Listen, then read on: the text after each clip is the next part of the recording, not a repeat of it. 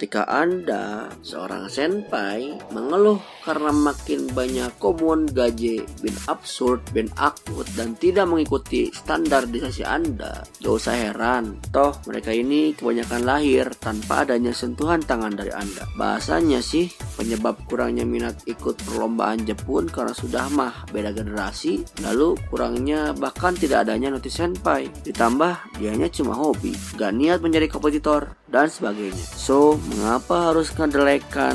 Justru saatnya mendekat dan merangkul agar tercapai suatu simbiosis mutualisme dan meminimalisir hal-hal yang seperti itu. Kalau mau itu juga sih, yang penting saya sudah menyampaikan.